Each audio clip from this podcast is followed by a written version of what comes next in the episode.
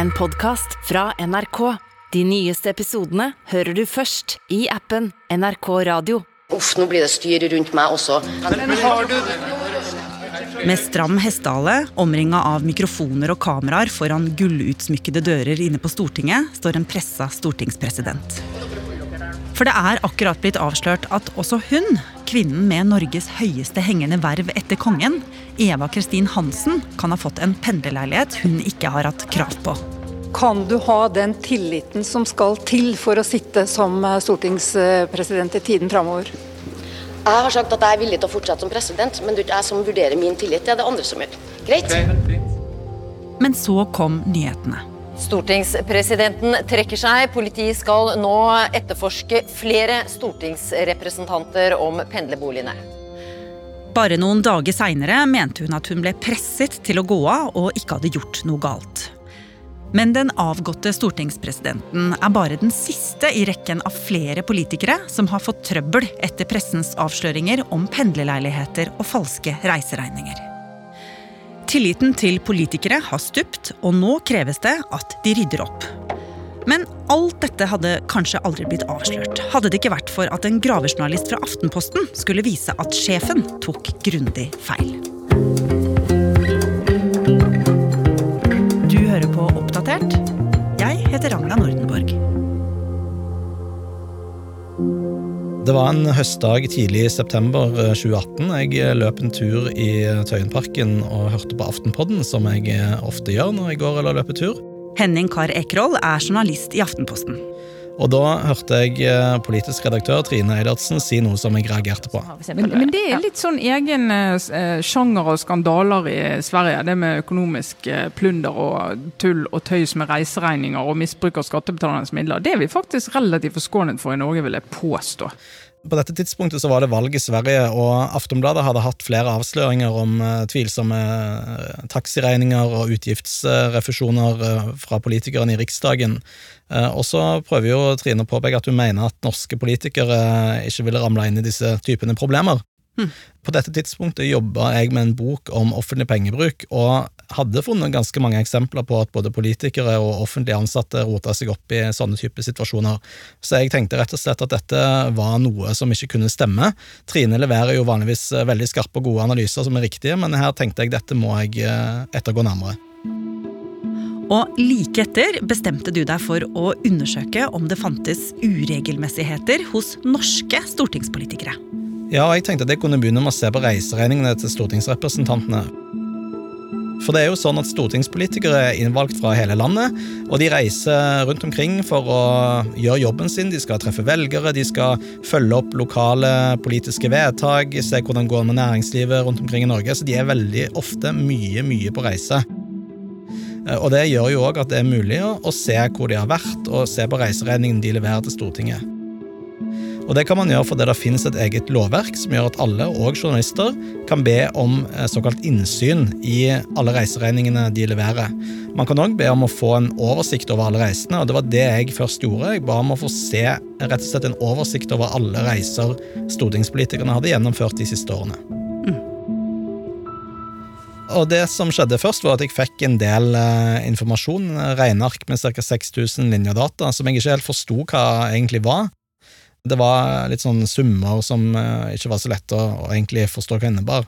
Og samtidig så var det noen ved Stortingets administrasjon som sa til meg at uh, vi har ganske gode rutiner uh, her, så du kommer nok ikke til å finne noe. Og det er jo kanskje ikke noe man bør si til en journalist. Nei, for hva skjedde med deg da? Nei, Da hadde jeg jo en enda sterkere motivasjon til å bore litt videre i dette. I dialogen med Stortingets administrasjon så fikk jeg etter hvert en eh, fil med nesten 20 000 linjer med reisedata, som var satt opp litt mer oversiktlig. og Da kunne jeg gå i gang med arbeidet med å analysere det, og det var litt som at du skulle, eh, hadde en ny venn som du egentlig skulle bli bedre kjent med. For det er jo ganske komplisert å orientere seg i sånne store datasett med veldig veldig mange linjer informasjon. Man må rett og slett prøve å finne ut hva det egentlig er som står her, og hva det betyr i praksis. Etter hvert som du fant ut av dette, så var det jo spesielt én person du begynte å legge merke til. Ja, det var FrPs stortingsrepresentant Masiar Keshvari fra Oslo. Han hadde veldig høye refusjonskrav, det var vel rundt en halv million kroner. Og vi reagerte på at det var så høyt, fordi når du er representant for Oslo, så trenger du kanskje ikke reise like mye rundt omkring i landet som de som kommer fra andre deler av Norge, trenger å gjøre. Og i tillegg så så man mange av de kravene han hadde levert, hadde litt sånn generiske begreper i fritekstfeltene, og de, mange gikk igjen, og det var òg veldig høye summer. Eh, så vi forsto at dette var noe det var eh, naturlig å gå nærmere inn på. Og hva gjorde dere? Det som skjedde da, var at eh, jeg satte meg ned sammen med en kollega, og vi begynte systematisk å ettergå hvor eh, Masaya Keshvari faktisk hadde vært, opp mot det som sto i reiseregningene. Og Da tok vi for oss f.eks. Facebook-profilen til han og andre, sjekket bilder som var lagt ut eh, i medier, på bildetjenester, vi så i Stortingets register og referater fra møter som hadde vært der. Jeg tok kontakt med personer han hadde oppgitt han hadde møtt, osv. På den måten så kunne vi kryssjekke om de opplysningene som han hadde oppgitt i reiseregningene, stemte overens eh, med virkeligheten. Og det tok ikke lang tid før vi fant mange eksempler på at det gjorde det ikke. Og 17.10.2018 publiserte dere i Aftenposten første sak om Mazyar Keshvari og at han hadde levert fiktive reiseregninger.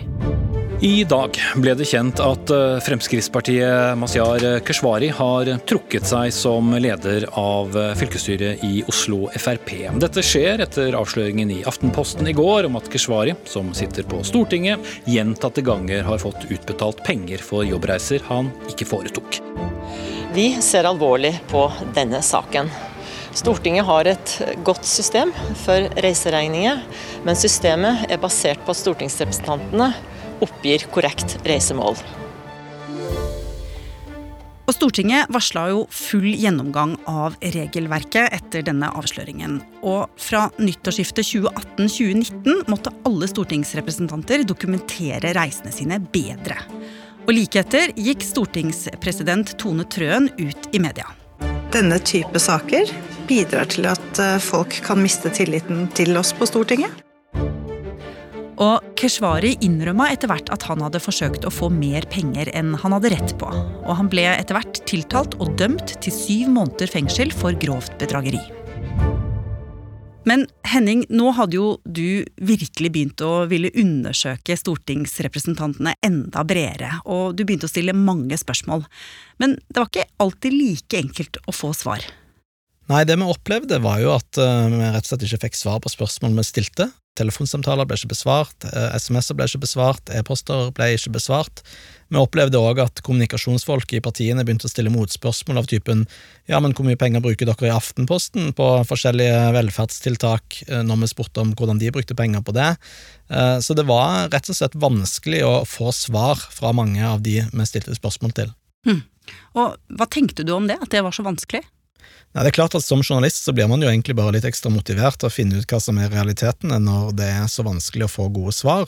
Og man lurer jo gjerne på hva som er motivasjonen eh, for at man ikke ønsker å svare.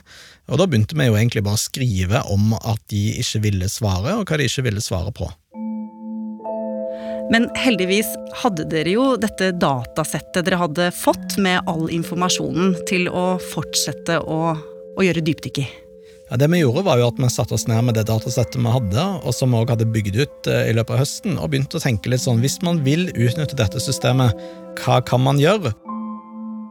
Og Da begynte vi f.eks. å filtrere på representanter som hadde fått veldig mye diett, som hadde fått uh, uh, levert reisekrav i ferier eller helger, og da oppdaget vi ganske fort at en som skilte seg tydelig ut, var Hege Haukeland Liadal fra Arbeiderpartiet.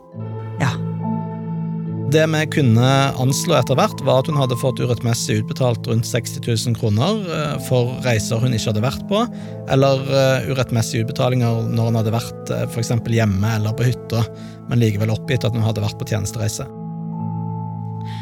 Og dette ville jo dere konfrontere Liadal med, og det gjorde dere på en spesiell måte. Vi samla alle funnene våre i det vi kalte et kontradiksjonsdokument, som vi sendte til Liadal, der vi ba henne forklare hva som var grunnen til at eh, det vi fant, ikke stemte overens med det som sto i reiseregningene. Og etter mye kontakt frem og tilbake over tid, så fikk vi noen svar, eh, og det endte jo opp med at hun tok selvkritikk og sa hun hadde gjort feil, og at hun ville rydde opp i det. Og nok en gang kunne dere altså presentere en sak der en stortingsrepresentant hadde rota med regningene sine. I halvannet år hadde stortingsrepresentant for Arbeiderpartiet Hege Haukeland Liadal fakturert fiktive reiseregninger til en verdi av over 60 000 kroner. Hun oppga å ha vært steder hun ikke hadde vært, og rapporterte inn reiser som aldri hadde funnet sted. Og også Hege Liadal ble etter hvert tiltalt for grovt bedrageri. Hun sa hun ikke hadde gjort noe galt med vilje, og nektet straffskyld. Og det har ikke falt dom i den saken ennå. Men Henning, etter å ha jobba mange måneder med dette, så var det jo flere avsløringer som kom eh, i andre medier også, om stortingspolitikere. At noen f.eks. hadde fått for mye etterlønn. Og du, Henning, merka jo på lesere og andre at dette virkelig engasjerte. Jeg hadde aldri som journalist opplevd å få mange så sterke og rasende tilbakemeldinger fra vanlige lesere og velgere, som rett og slett var skikkelig oppgitt over at det var så dårlig kontroll med godene politikerne på Stortinget fikk, og ikke minst at de hadde goder som var så mye bedre enn det andre som enten får lønn fra det offentlige eller velferdsgoder fra det offentlige får. Så det indikerte jo at det var mange som var i ferd med å miste tilliten til Stortinget. Mm. Og når man ikke trodde det kunne bli så mye verre, så var det jo nettopp det det snart skulle bli. For med disse sakene rullende og gående i media, så kom det jo inn mange tips til dere i Aftenposten om våre folkevalgte. Og på forsommeren i år fikk dere et interessant tips om en som var innvalgt på Stortinget for KrF, og som nå var statsråd. Ja, Det var en eh, kollega i Aftenposten som fikk et vagt tips om å sjekke ut eh, KrF-leder Kjell Ingolf Ropstad, eh, og spesielt da bosituasjonen hans. Det som skjedde da, var at det var en eh, gruppe med flinke kolleger som begynte å undersøke forskjellige registre. De så på det som sto i eiendomsregisteret, det som sto i folkeregisteret, eh, og satte den informasjonen opp mot hverandre. På den måten så kunne man få en historikk og en oversikt over boforholdene til eh, Ropstad gjennom lengre tid. Eh, og Det viste jo seg da at han hadde eid ulike boliger i Oslo-området, eh, samtidig som han hadde fått en gratis eh, pendlerbolig av Stortinget. Og denne pendlerboligen hadde han jo fått fordi han var folkeregistrert hjemme hos foreldrene sine på Evje, som da er godt utenfor firemilsgrensa Stortinget har sagt for å få innvilget pendlerbolig. Men ikke bare det. Ropstad leide jo også ut en bolig han eide i Oslo-området, mens han da disponerte denne stortingsleiligheten. Og mange syntes at dette hørtes urimelig ut. Det man kan si, da, er jo at intensjonen med denne ordningen er jo at stortingspolitikere som trenger en bolig i Oslo fordi de gjerne bor et annet sted i landet, eh, skal få en eh, bolig gratis. Eh, men for hans del så hadde jo han tilgang på bolig i Oslo-området. Så da blir jo spørsmålet er det slik ordningen er ment å fungere, og da er det jo åpenbart at det er relevant å omtale det. Og rett før valget så publiserte Aftenposten saken om Ropstad og pendlerboligen, og KrF-lederen måtte ut og forsvare seg. Jeg er lei meg for denne saken. og Vi som politikere forvalter innbyggernes tillit, og da skal vi gjøre ting på en, på en skikkelig måte. Men Ropstad var ikke den eneste dere så på, Henning. For Aftenposten kom med flere avsløringer om hvordan politikere brukte pendlerboliger. SVs Torgeir Knag Fylkesnes, Aps Tellef Mørland og Høyres Olemic Thommessen. Aftenposten skrev at de var blant dem som hadde eid leiligheter i Oslo, samtidig som de fikk gratis pendlerleiligheter. Tellef Inge Mørland fikk innvilget pendlerleilighet for fire år siden. Selv oppga aldri 41-åringen at han allerede eide en leilighet i Oslo. Jeg har følt det veldig urettferdig at eh, jeg ble eh, hengt ut for å ha eh, drevet med, med juks. Og selv om disse sakene var ulike, og alle sa de hadde fulgt informasjonen de hadde fått fra Stortinget, var det nå mange som reagerte sterkt på avsløringene. Stortinget har gitt ut gratis pendlerleiligheter til stortingsrepresentanter som selv har eid leiligheter i og nær Oslo, som de har leid ut. Og I ukene som fulgte, gikk det en debatt om det var politikerne selv eller Stortinget som hadde ansvaret for alt rotet. Igjen måtte statsministeren svare på ordningen med pendlerbolig til stortingsrepresentanter. Det er sånn at Når vi har noen tilfeller hvor, hvor de ser at eh, intensjonen i dette blir litt eh, gjennomhulet, så er det selvfølgelig viktig at Stortinget strammer til. Og mens denne debatten kokte, så kom dere i Aftenposten med en ny og kanskje enda mer alvorlig avsløring som skulle få store konsekvenser. Reaksjonene er mange og sterke etter at Ropstad i går innrømmet å ha tatt aktive grep for å slippe skatt på sin pendlerbolig i Oslo. Det Ropstad hadde gjort, var å inngå en avtale med sine foreldre om at han skulle betale noen faste utgifter på barndomshjemmet, men så viste det seg at han aldri betalte noen eh, utgifter. Likevel slapp han altså å betale skatt, og det var snakk om ganske store summer. KrF-leder Kjell Ingolf Ropstad trakk seg i dag både som statsråd og som partileder. Ropstad sier han eh, trekker seg også av hensyn til partiet. Jeg var usikker på regelverket på det tidspunktet, eh, og gjorde en, en, en, dårlig vurdering. og Jeg burde ha innsett det på et mye tidligere tidspunkt. Men tenkte du at det var litt sleipt? Eh, jeg vet rett og slett ikke hva jeg tenkte på det tidspunktet. Og flere begynte nå for alvor å snakke om hva alle sakene gjorde med folks tillit til politikerne i Norge, og at politikerne nå hadde en stor jobb å gjøre når det gjaldt å gjenoppbygge tilliten. Så da alle politikerne i det nye Stortinget ble invitert på slottsmiddag etter valget nå i høst, var det mange som håpet det markerte en ny start. Og kongen selv han så sitt snitt til å spøke litt med politikerne. Da vi planla denne kvelden, forsto vi etter hvert at vi måtte være på den helt sikre siden. Så vi har sjekket jussen, all slags forskrifter, til og med Stortingets administrasjon. Og jeg kan glede dere med at representantene ikke trenger å innberette denne. Og ved kongens bord satt nå også et nytt ansikt. En kvinne fra Arbeiderpartiet som hadde gitt seg selv i oppgave å rydde opp i rotet med reiseregninger, skattesaker og pendlerboliger. Den ferske stortingspresidenten Eva Kristin Hansen. Og også hun dro en spøk der inne på Slottet. Hvis Deres Majestet skulle mene at stemninga virker litt sommerfuglaktig, og litt nervøs her i kveld, skyldes det sikkert at vi ikke er vant til at det er lov til å gå på besøk til hverandre igjen. Enkelte her i rommet, som Deres Majestet kjenner godt, har jo demonstrert at man får svi når man samler for mange rundt sushifatet. Veien fra glede til skandale kan, som alle vet, være kort. Og dette skulle jo vise seg å stemme, for det skulle ikke gå lang tid før også denne stortingsrepresentanten ble kikka i kortene. Adresseavisa hadde gått lenger tilbake i tid og funnet ut at hun hadde fått pendlerleilighet fra Stortinget samtidig som hun eide en bolig i Ski rett utenfor Oslo. Stortingspresident Eva Kristin Hansen innrømmer å ha brutt reglene for Stortingets pendlerbolig. Ved å være folkeregistrert og leie et rom hos venn og partifelle Trond Giske i Trondheim, mente hun at hun hadde rett til gratis pendlerbostad i Oslo. Det var bare det at samtidig eide og bodde hun i en bostad med ektemannen sin i Ski, under fire mil fra Stortinget. Stortingspresidenten trekker seg. Politiet skal nå etterforske flere stortingsrepresentanter om pendlerboligene.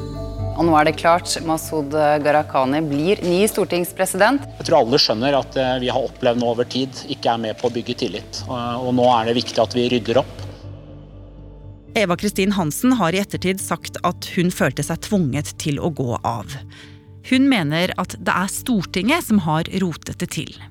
Og politiet sier til Aftenposten at ordren om å etterforske pendlerboligsakene på Stortinget ikke gjør at enkeltpersoner har status som mistenkte eller sikta i saken. Og det er viktig å si at disse sakene jo ikke er avsluttet ennå. Riksrevisjonen har også varslet at de skal inn og undersøke.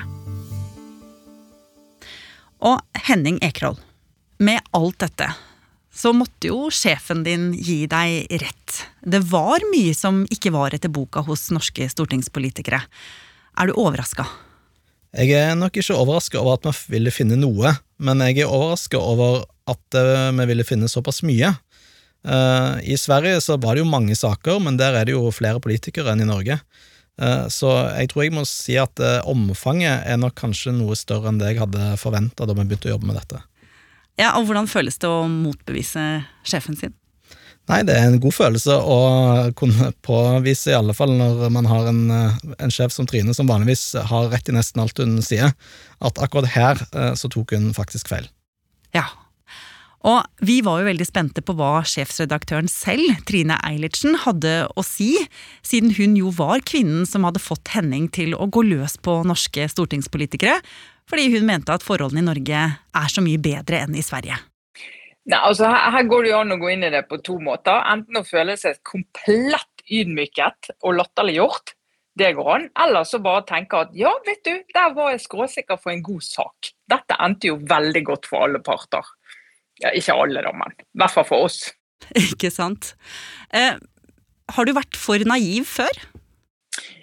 Ja, vet du, det tror jeg, og det tror jeg ikke jeg har vært uh, alene om. Jeg tror mange av oss har tenkt at der er det ryddig og på stell og hva skal jeg si, små forskjeller og alt er, alt er i hovedsak i orden. Så jeg tror nok uh, at uh, både jeg og flere har vært uh, naiv og rett og slett tatt for gitt at ting var mer i orden enn de er. Mm. Men hva er det du opplever at disse avsløringene viser Trine Eilertsen, er det politikere som har forsynt seg av goder bevisst de ikke skulle ha hatt, eller er det et kronglete regelverk og en uklar administrasjon på Stortinget? Altså, Det siste det kan man helt sikkert uh, gjemme seg bak og unnskylde seg med, men jeg tror det grunnleggende her det er rett og slett noe vi har sett mange mange, mange ganger før. og Det er at mennesker og grupper og kulturer er en gang sånn at de utvikler seg i bestemte retninger når de får muligheten til det. Og det som er Inntrykket mitt eh, av det som har skjedd på Stortinget, er jo at det har utviklet seg en kultur der ja, de ser litt på disse ordningene som en slags frynsegode. Sant? Det kan man gjøre i mange bedrifter, ordninger og virksomheter. Og så har vi kanskje tenkt at politikerne var litt annerledes enn oss, alle oss andre og hadde veldig stor respekt for det at de er der fordi de har fått tillit fra oss, velgerne. Eh, og ikke vil gjøre det, men så viser det seg at jammen er de sånn som mange andre. Og de må også kontrolleres sånn som mange andre. Sånn er det bare. Mm. Gis du en mulighet, så utnytter den ofte. Eh, og dette er en veldig viktig påminnelse om at tillit er da må, du, da må du tenke annerledes. Og hvordan skal nå norske politikere klare å gjenreise tilliten? Det første de må gjøre, det er litt sånn som så, så, så alkoholikerne må gjøre. De Må innrømme at de har et problem. Sant? Du må begynne der. og det, det, tror jeg ikke helt at alle på Stortinget er ennå. Eh, selv om ikke de personlig har gjort noe, så må de se at Stortinget som institusjon har et problem, og så må de virkelig ta tak i det og rydde opp og vise at de vil det. Ikke vente på neste sak fra Henning og gjengen i Aftenposten eller andre redaksjoner, men komme og vise det frem sjøl. Og virkelig tømme skap og skuffer. Og så må de vise oss at de vil lage et system som gjør at dette ikke skjer igjen og si det at eh, jo da, vi, vi, er til å stole på. Det er klart vi er det, men vi som alle andre må, må passes på.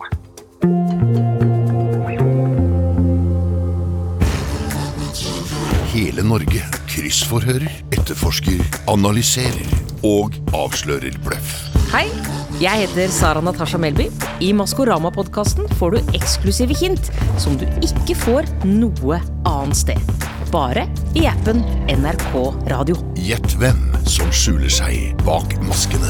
Hør Maskorama-podkasten i appen NRK Radio. Oppdatert er en podkast fra NRK Nyheter. Og denne episoden er laget av Martin Holvik, Gry Veiby, Vegard Kjørom, Irina Kjelle, Pål Gauslå Sivertsen, Andreas Berge og meg, Ragna Nordenborg. Programredaktør er Knut Magnus Berge. Vil du kontakte oss, gjør gjerne det på oppdatert krøllalfa nrk.no. Du har hørt en podkast fra NRK. De nyeste episodene og alle radiokanalene hører du i appen NRK Radio.